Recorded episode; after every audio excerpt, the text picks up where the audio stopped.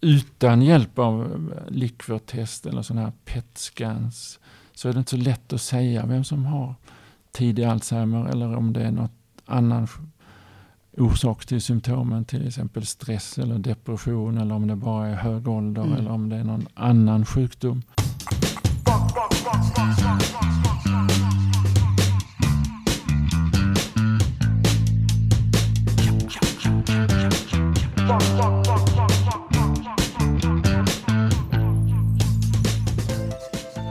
är Akademiliv igen, podden från Salgrenska akademin som görs av oss kommunikatörer vid Göteborgs universitets medicinska fakultet. Jag heter Elin Lindström och idag så befinner jag mig eh, på vårt andra campus kan man säga som ligger på Mölndals sjukhus.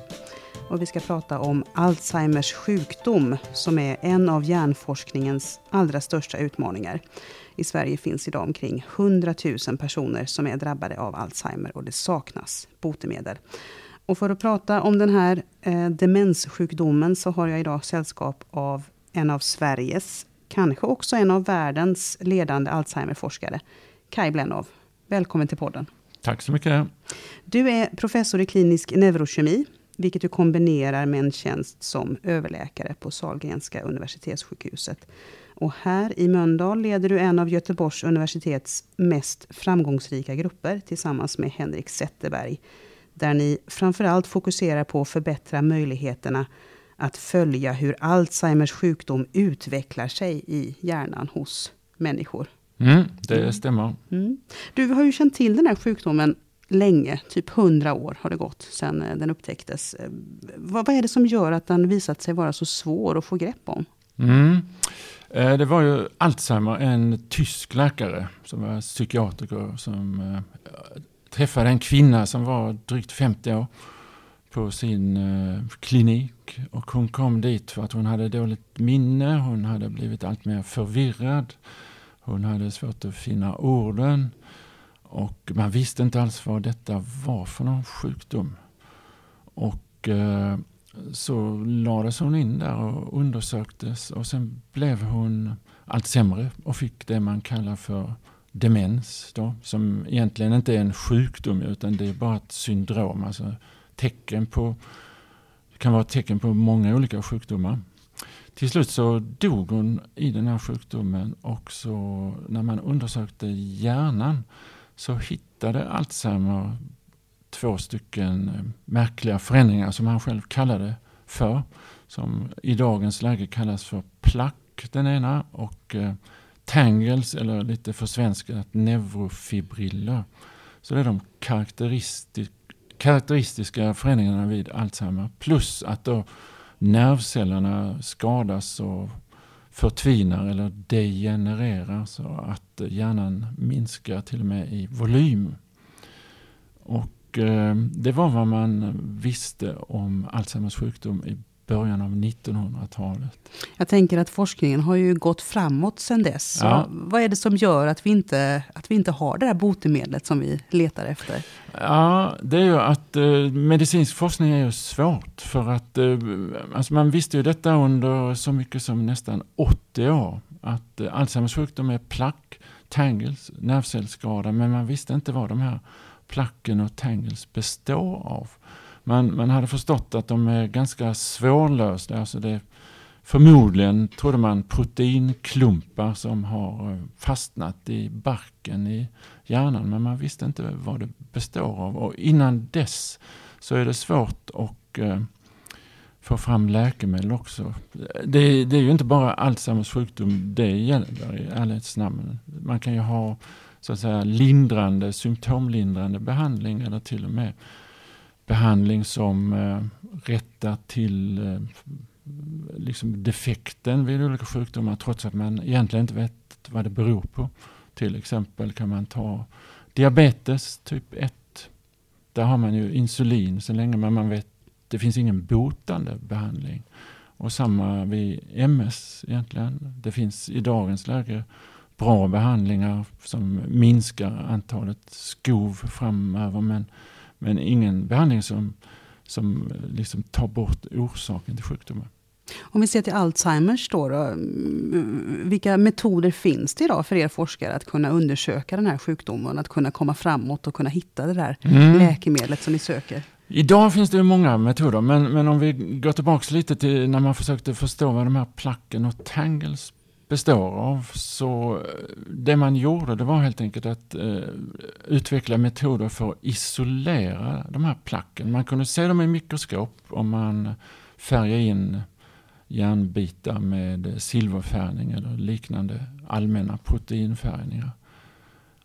Och så eh, försökte man isolera placken så att man hade dem i ren form. Och eftersom man trodde att det var proteiner, sen skulle man kunna göra en sån här eh, aminosyreanalys eller sekvensering så att man fick reda på vilket protein det var. Och det var eh, en grupp, eller två forskare, en som heter Colin Masters från Australien och en som heter Konrad Bayreuther från Tyskland. De samarbetar för detta. Och då tog det så lång tid som sju år bara för att utveckla metoden att isolera de här placken. Och till slut så kunde man säga att i mikroskopen så har vi plack och inget annat som man kunde få lysa upp med ett speciellt färgämne som, så att de fluorescerar. Och sen gjorde man sekvenseringen och hittade att det var en peptid som man eh, kallar då för A4-peptiden från början och eh, sen har den fått namnet beta-amylid. Så då visste man vad placken består av. En liten peptid som har klumpat samman som het, kallas för, då för beta-amylid. Som är ungefär 40 aminosyror lång. Mm. Sen fortsatte samma grupp och eh, när man visste vilket eh, protein det är så letade man även efter genen. Och det publicerade man två år senare. Att eh, det kommer från den genen som man idag kallar för amyloid prekursor proteingenen, APP.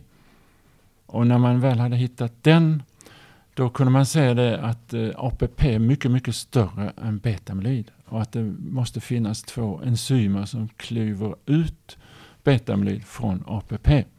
Och då satte liksom hela forskarvärlden igång med att eh, leta efter vad kan det vara för enzymer. Och idag är de kända helt och hållet. Eh, man vet exakt eh, vad det är för proteiner och massa detaljer om dem. Och man har också utvecklat läkemedel som kan alltså minska betamelitproduktionen väldigt kraftigt även hos människor som har testats i kliniska prövningar. Hur har det gått då? Ja, det gick ju inte bra då. Alltså det, det fanns, först så testade man något som heter gammasekretashämmare som är det andra enzymet. Eh, då gjorde man eh, kliniska prövningar där men det var för mycket biverkningar med gammasekretashämmare. Så patienterna blev till och med sämre av dessa preparat. Men de fick också biverkningar som gjorde att det inte gick att fortsätta. Sannolikt på grund av att det här läkemedlet hämmar även andra enzymer i kroppen.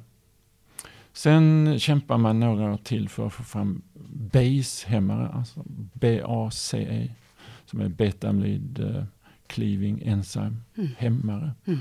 Och det fick man fram och de verkar inte ha någon biverkningar. Inte någon uppenbar i alla fall. Och så drog man igång prövningar med dem. Vid det laget hade man fått fram biomarkörer alltså så man kunde följa effekten även direkt hos människor genom att mäta betamylid i dels likvor eller spinalvätska men även i blodprover. Och man hade också gjort det i hjärnan på möss som man hade gett den här typen av läkemedel och, och kunnat visa att eh, vid en viss dos så kan man minska produktionen så mycket som ner till 10-20 procent av den man hade från början. Mm. Så väldigt påtagligt. Och det var ju väldigt hoppfullt då för att eh, samtidigt så hade det kommit eh, liksom den eh, dominerande hypotesen vid Alzheimers sjukdom det är att just eh, beta-amyloid är orsaken till sjukdomen. Den startar hela den här eh, neurodegenerativa processen. Och kan man då minska bildningen av beta-amyloid så tänkte man sig att då kan vi ju bromsa Alzheimers sjukdom också. Och sen eh, var det flera olika läkemedelsbolag som eh, drog igång prövningar som gick från fas 1 till fas 2 till fas 3. Och då, fas 3-prövningarna är riktigt stora. Alltså flera tusen patienter. Men sen tyvärr så kom rapporterna om att eh, antingen så var studien negativ, alltså ingen effekt på symptom eller på framtida försämring av patienterna som fått behandlingen. Eller så stoppar man det i förhand i något fall på grund av att man såg redan på förhand att detta kommer inte till att ha någon effekt.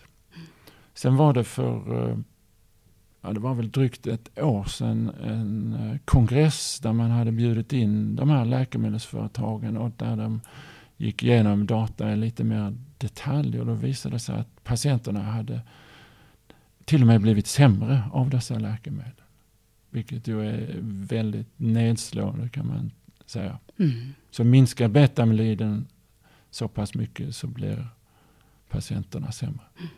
Något som har haft väldigt stor betydelse för den här processen är ju den här musmodellen som man lyckades ta fram. Där man lyckades eh, återskapa den här sjukdomsbilden som man hade med placken och de här mm. tangles som du, som du beskrev. Precis, det man kallar för transiena möss. Mm.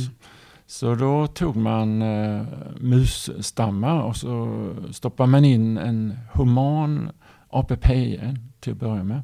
Som hade också mutationer motsvarande de som ses i den här sällsynta familjära formen av sjukdomen.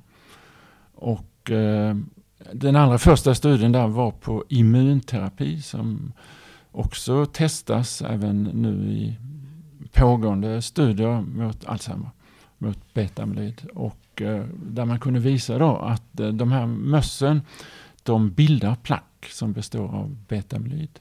Och så kunde man visa att man, om, de gav, om man gav dem vaccinering, alltså där man sprutar in betamyloid, eller om man ger dem antikroppar mot betamyloid så minskade plackbildningen hos mössen. Och det var ju också väldigt lovande fynd och säkert väldigt viktig väg framåt mot eh, framtida läkemedel. Eh, sen eh, fortsatte man med lite andra preparat som man har testat väldigt många olika Eh, molekyler eller läkemedelskandidater på de här mössen. Och det som var lite slående var att eh, åren efter så kom den ena efter den andra artikeln där man hade fått eh, bort placken i större eller mindre mängd men signifikant mindre hos de möss som fått olika molekyler. Det som var lite underligt då det var att det man hade gett som behandling det var väldigt varierande preparat. Så det var allt ifrån hormoner till omega-3 fettsyror till en massa läkemedel som finns i FASS, alltså från hustmediciner till eh, testosteron och allt möjligt. Och, eh, Alzheimer upptäckte ju sjukdomen 1906 och 2006 så skrev vi en review-artikel om sjukdomen där man gick igenom allt man visste och fick även in en lång, lång tabell över eh, för att liksom ifrågasätta de här musmodellerna lite. Och då, vid den tidpunkten så var det 46 olika molekyler eller behandlingar som man kunde få bort placken hos mössen. Några år senare så var det en annan forskargrupp som visade att det var över 100 eller 120. Och eh, en period på, när jag hade föreläsning så hade jag en bild där det stod en lista på dessa molekyler. Att det finns 100 sätt att bota Alzheimer-möss men inget sätt att bota Alzheimer-patienter.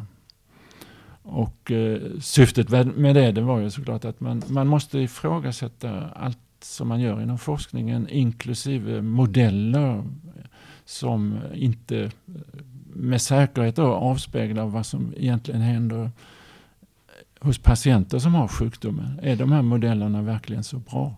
Hur förhåller sig forskarvärlden idag till den här musmodellen? Där?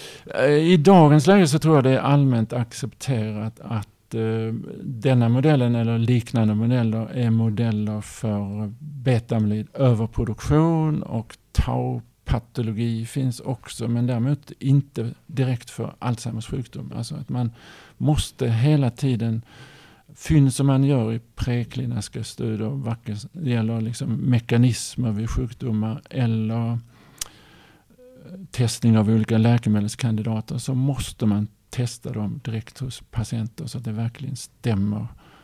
För det är ju i slutändan patienterna vi ska behandla och inte mössen.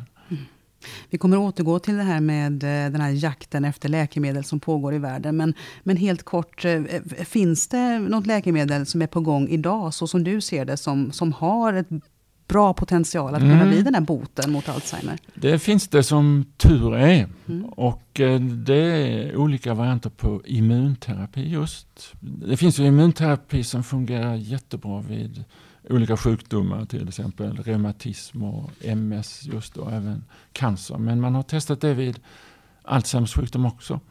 Från början börjar man med vaccinering och då, det kanske är lite tvetydigt ord, men alltså man sprutar in aggregerat sammanklumpat betamlid så att man får ett immunsvar i kroppen. Då fick man en del biverkningar dock Sen börjar man med eh, antikroppar mot beta-amyloid. Man har testat olika varianter på detta. Alltifrån eh, mot lösligt beta-amyloid till aggregerat beta-amyloid och så vidare. Och eh, många har fallerat då. Alltså, antingen har man inte haft någon effekt eller så har man haft biverkningar eller både och. Men idag finns det några kvar som är faktiskt jättelovande.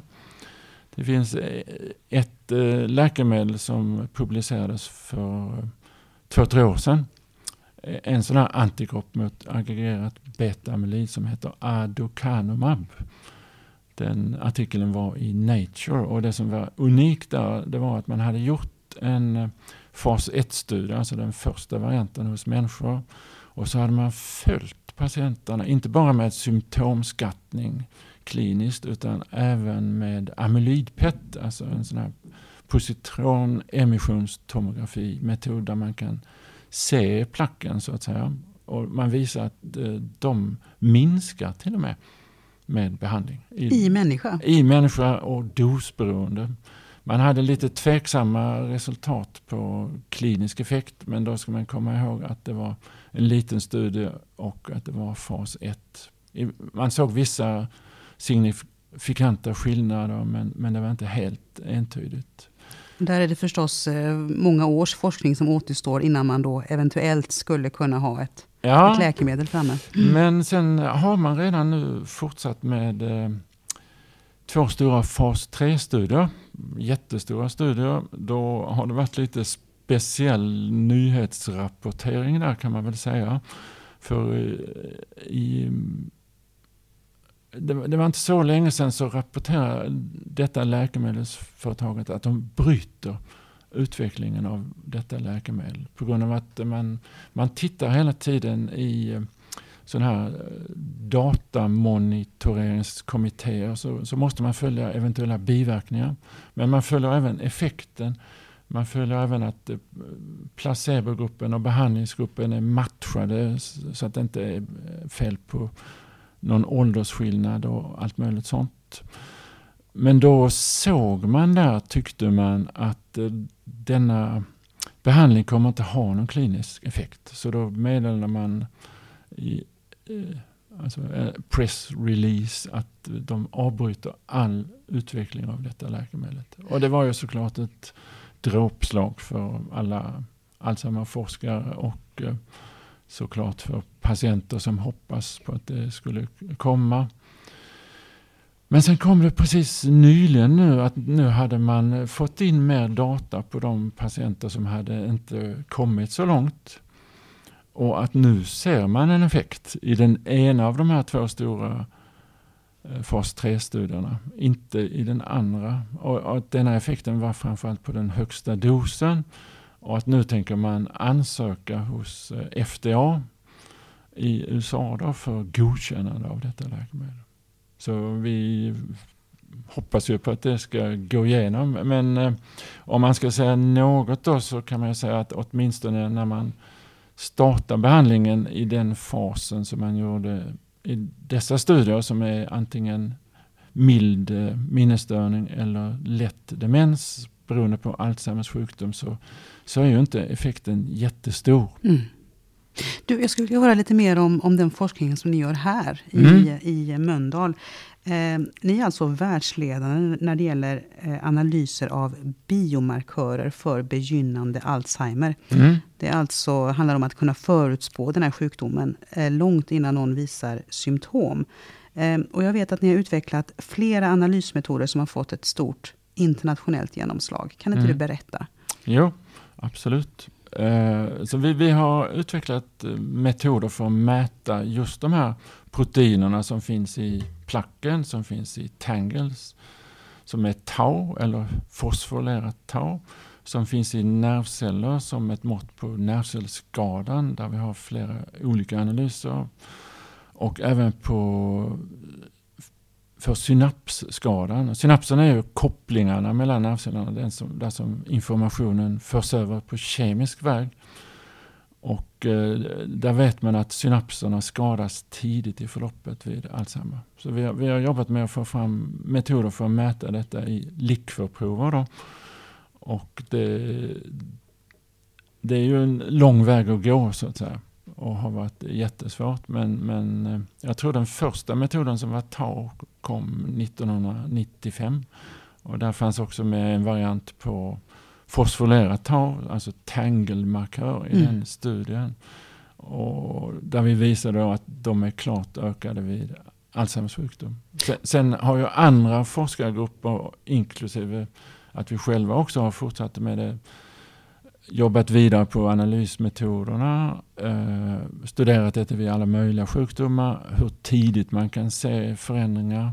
Och tanken är ju att det inte bara ska vara diagnostik eller att kunna se sjukdomen tidigt utan även för att man ska förstå sjukdomen bättre just eh, via analyser hos människor. Alltså, vad är det som kommer först egentligen och eh, hur kan detta kopplas till symptom och progressionshastighet och allt möjligt. Men även att eh, man kanske kan använda detta till att eh, utvärdera andra saker man hittar.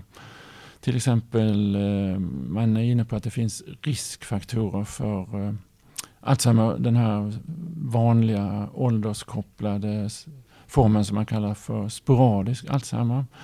Där har man ofta hittat riskfaktorer för demens men inte för Alzheimer.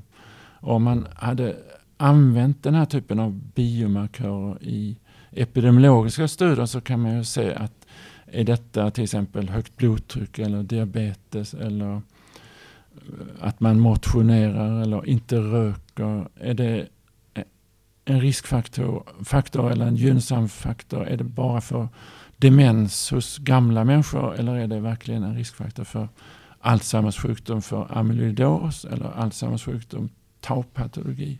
Och det tror jag är en viktig användningsområde av biomarkörer. Det här att det finns olika typer av Alzheimer. Mm. Hur, hur viktigt är det för Alzheimerforskningen? Alltså när det gäller det här att försöka förstå sjukdomen. Och, Ja, det har faktiskt varit jätteviktigt för att det finns en eh, väldigt sällsynt familjär form. Det är mindre än 1% av alla fall. Då kommer sjukdomen ganska tidigt, eh, typ i 50-60-årsåldern. Och eh, efter att man har hittat betamyloid och efter att man hittat den här APP-genen så hade man ju liksom en, en möjlig, vad ska man säga, riskgen. Och eh, då fanns det grupper som hade samlat in prover från eh, alltså släkter med familjär sjukdom. Och så undersökte man just APP-genen och sekvenserade hela APP-genen. Och så hittade man mutationer där som fanns i anslutning till betamyloiden, den lilla biten av APP som kodar för betamyloid. Vilket ju stärker att eh, betamyloid har betydelse. Sen har jag andra grupper också gjort samma sak och eh, så man har hittat ett flertal mutationer just i APP, alltså betamyloid prekursorn som finns vid familjär Alzheimer. Sen såg man också att det var inte alltid man hittade APP-mutationer och då måste det ju finnas något annat också. Och då var det en grupp som publicerade första artikeln på något som kallas för presinilin. Som man senare förstår att det, det är samma protein som är det enzym som klyver ut betamyloid från APP, ett av de två. Där hittar man också mutationer och där har man hittat en massa olika, jag tror det är över 200 olika, i, olika patienter eller släkter. Som också stärker att betamyloiden är viktig vid eh, Alzheimers sjukdom. Mm. Så, så den här betamyloidhypotesen som man kallar det, eller amyloidkaskadhypotesen, den bygger till mycket, mycket stor del på just den familjära formen av sjukdomen. Mm. Medan vid eh, den sporadiska formen så, så vet man ju att den är kopplad till hög ålder. Man vet att det finns eh, riskfaktorer som man idag försöker förstå bättre om de är kopplade till minnesstörning och demens eller om det specifikt kan kopplas till beta-amyloid och tau. Och sen har man hittat en riskgen och som, den heter ApoE eller apolipoprotein E. Det hittade man 1993, två olika forskargrupper, en i USA och en i Kanada. Och då hittade de att eh, en variant av APE e som man kallar för E4. Det finns tre varianter, två, tre, fyra. Trean är den vanligaste, fyran har ungefär 20 procent av befolkningen och tvåan är sällsynt. Och då hittade de att fyran är, ökar risken för att få Alzheimers sjukdom. Eller framförallt ökar risken för att få det tidigare. Om man ser på den här kopplingen till ålder just. Mm. Är det så att bara man blir tillräckligt gammal så får man Alzheimer? Uh, åtminstone så får man Alzheimer-patologi. Men det är inte säkert att, att uh, man får Alzheimers sjukdom. Och uh, sen är väl det kanske förmodligen samma sak då. Det är ungefär som att du, om du så att säga gör en obduktion av någon som har dött och så hittar den patienten hade en liten cancertumör i tjocktarmen eller i ena bröstet eller i prostata. Då hade ju den patienten cancer. Det är ju inte att den hade något annat utan det var ju cancer den hade trots att det inte var någon symptom av det. Eller, och samma sak tycker jag det är att hittar du Alzheimer-patologi hos en människa som har dött av andra skäl eller om du hittar det i, med dagens metoder, till exempel sådana här PET PET-scan så är det fortfarande Alzheimers sjukdom i tidig fas även om man inte har fått symptom. Och mm. det har också blivit eh, allmänt accepterat faktiskt. Det kom förra året en stor sån här konsensusartikel där man definierar om Alzheimers sjukdom. Tidigare så, så var definitionen att man ska ha demens och så ska man inte ha något annat förklaring, typ eh, hjärnblödning eller hormonbrist eller något. Lite senare så la man till att man ska ha någon tecken på att det är amylidplack och taupatologi eh, som stöder att det är Alzheimers sjukdom. Då. Men sen förra året så definierar man om sjukdomen så att det är patologin som styr. Att du har, man kallar det Alzheimers sjukdom även om du inte har någon symptom. Precis som du kallar det prostatacancer, även om det inte har någon symptom. Mm. För vad skulle man kalla det annars? De här eh, metoderna som ni har utvecklat, de har blivit standard i världen för att se om en person håller på att utveckla Alzheimers. Mm. Ehm, och då alltså långt innan eh, man har sett de här symptomen på att man håller på att utveckla eh, demens. Hur används de här analysmetoderna idag? Används de kliniskt eller är det framförallt för forskning som de eh, används? Mm, det är både och. Det har varit väldigt mycket för forskning i Sverige och eh, i eh, flera andra länder så har de använts kliniskt. Till exempel i Tyskland så är det rekommendation att alla patienter som söker för den här typen av symptom ska man göra Liquor-test på. Används väldigt mycket i Holland, i Finland, då är det ryggvätskeprov som vi ja, pratar om. Ryggvätskeprov. Ja. Mm. Och eh, också i ökande utsträckning i Spanien, Italien, Frankrike. Så det blir allt mer använt. I USA är det lite annorlunda. För där använder man det inte så mycket. Eh, det har vi diskuterat i många, många år. Varför gör man det inte i USA? Först så sa man att patienterna vill inte. Och det var kanske svårt att säga emot då. Men sen började man göra stora forskningsstudier där både patienterna och symptomfria äldre ställde upp mangrant på att göra likvörtest. Och då kan man ju kanske inte ha det argumentet längre utan då måste det vara något annat. Och som det så ofta är när det kommer när det handlar om USA så handlar det om pengar. Mm. Att eh, I Sverige så ingår det så att säga i en läkares uppdrag att undersöka patienter och gå runt och göra olika tester eller operera eller om man jobbar på en minnesklinik att göra lumbalpunktion. I USA så är det att varje sak kostar pengar. Och till exempel så är ersättningen för att göra en lumbalpunktion till doktorn då inte så stor. Och det har mer och mer blivit tydligt att det är pengar som styr att man inte gör detta i USA i samma utsträckning. Sen tror jag i och för sig att den dag, vilket jag tror och hoppas på att vi får läkemedel, så kommer det bli svårt att inte göra det. För att eh, det kommer inte att finnas sådana här PET-scanners så att man kan undersöka alla människor som kommer med lite dåligt minne med PET och det kommer även att bli för dyrt. Mm. Utan då måste man göra likvörtest i större omfattning. Även i USA. För jag har svårt att se den doktor som eh, säger till en patient att tyvärr kan du inte få någon behandling för att då krävs det att vi gör ett likvörtest och det gör vi inte här på min klinik.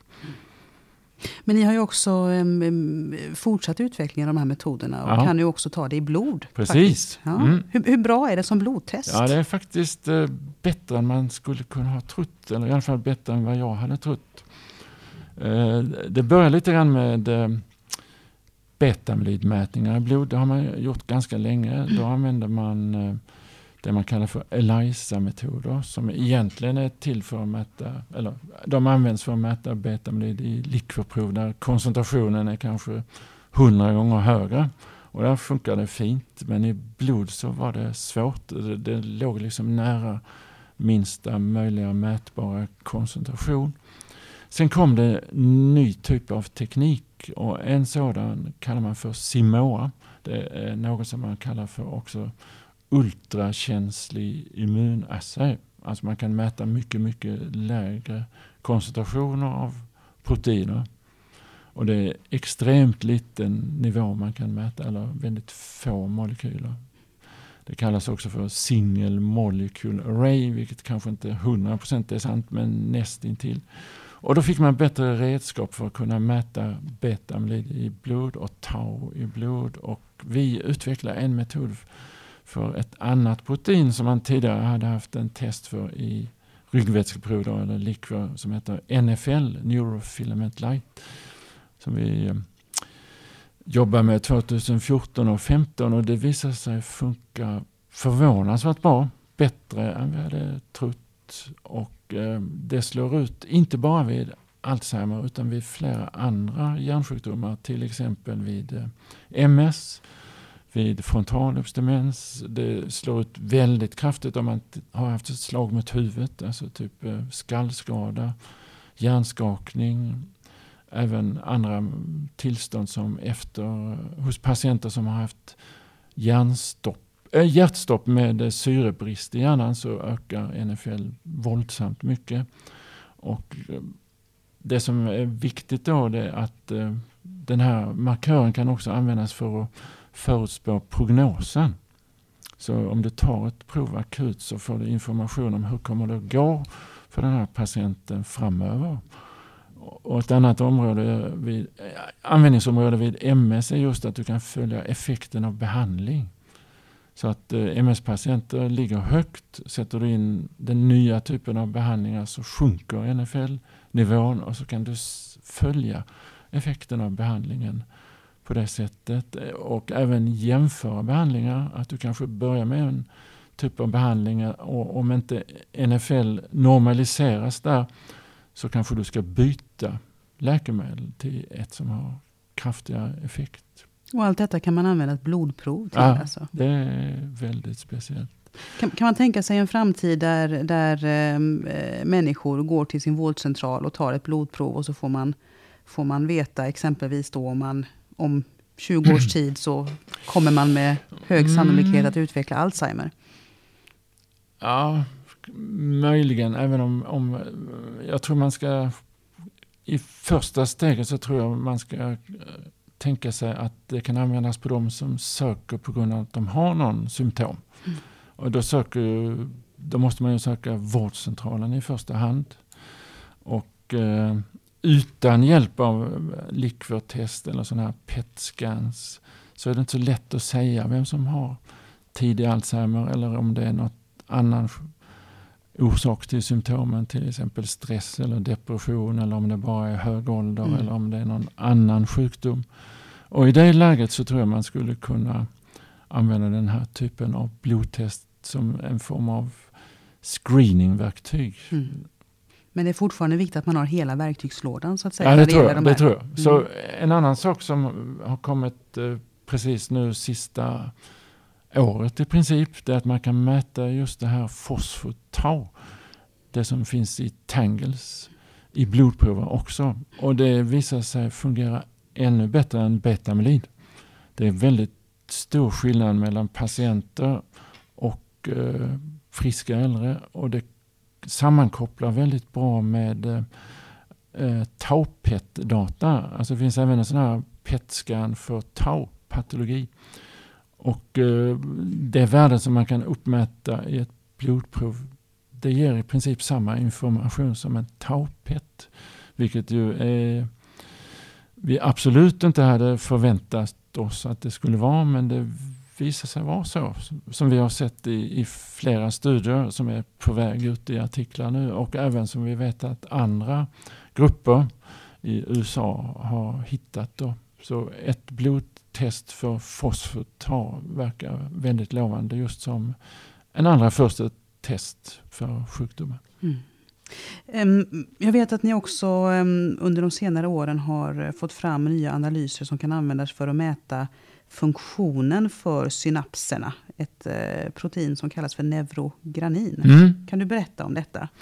Neurogranin är ett litet protein som finns just i synapserna, alltså kopplingarna mellan nervcellerna. Mm. Och det, det började jag kämpa med för länge sedan. Det var väldigt svårt att, att mäta det. Man, vi fick inte till någon sån här ELISA-metod på något bra sätt. Och, eh, men eh, skam den som ger sig, så då bestämde jag mig för att eh, börja ta fram rekombinant eh, neurogranin med syftet att göra nya antikroppar. Det var inte heller helt lätt, men till slut gick det. Och sen så började vi göra nya antikroppar och så fick vi fram det mot neurogranin. Och eh, då hade vi börjat jobba med även masspektrometri. Så då använder vi de här antikropparna till och man kallar det för att dra ut neurogranin från sådana här likvörprover och så ser man hur ser det ut egentligen. Då visar det sig att neurogranin är klyvt på mitten. Vilket är en lång historia att förklara i mer detalj men ofta så gör man en sån här ELISA-metod baserat på två antikroppar. En i ena änden och en i andra. Och är det då klyvt på mitten så kommer det ju aldrig att fungera. Mm. För det finns inte liksom hela proteinet. Så då fick vi baserat på den informationen som var ju väldigt viktig för att hjälpa oss på traven så förstod vi att vi får göra det bara mot den C-terminala, kallar man det, delen av en neurogranin. Och så satte vi igång med nya immuniseringar och fick fram nya antikroppar så att vi hade två olika varianter mot C-terminala delen och då plötsligt så fungerade det. Och det visade sig vara en eh, klar ökning vid Alzheimer. Det visar sig att det är väldigt tidigt i förloppet detta kommer. Och det visar sig att nivån på ökningen predicerar hur snabbt patienterna kommer att bli sämre. Och eh, i dagens läge så har man även applicerat denna typen av Eh, Eh, analys, alltså neurogranin i läkemedelsstudier med de här nya typerna av eh, immunterapi. Bland annat eh, så finns det om vi ska gå lite tillbaks till det med behandling. Det finns en antikropp till som är utvecklad av en forskargrupp i Sverige från början med Lars Lamfelt i Uppsala som leder det.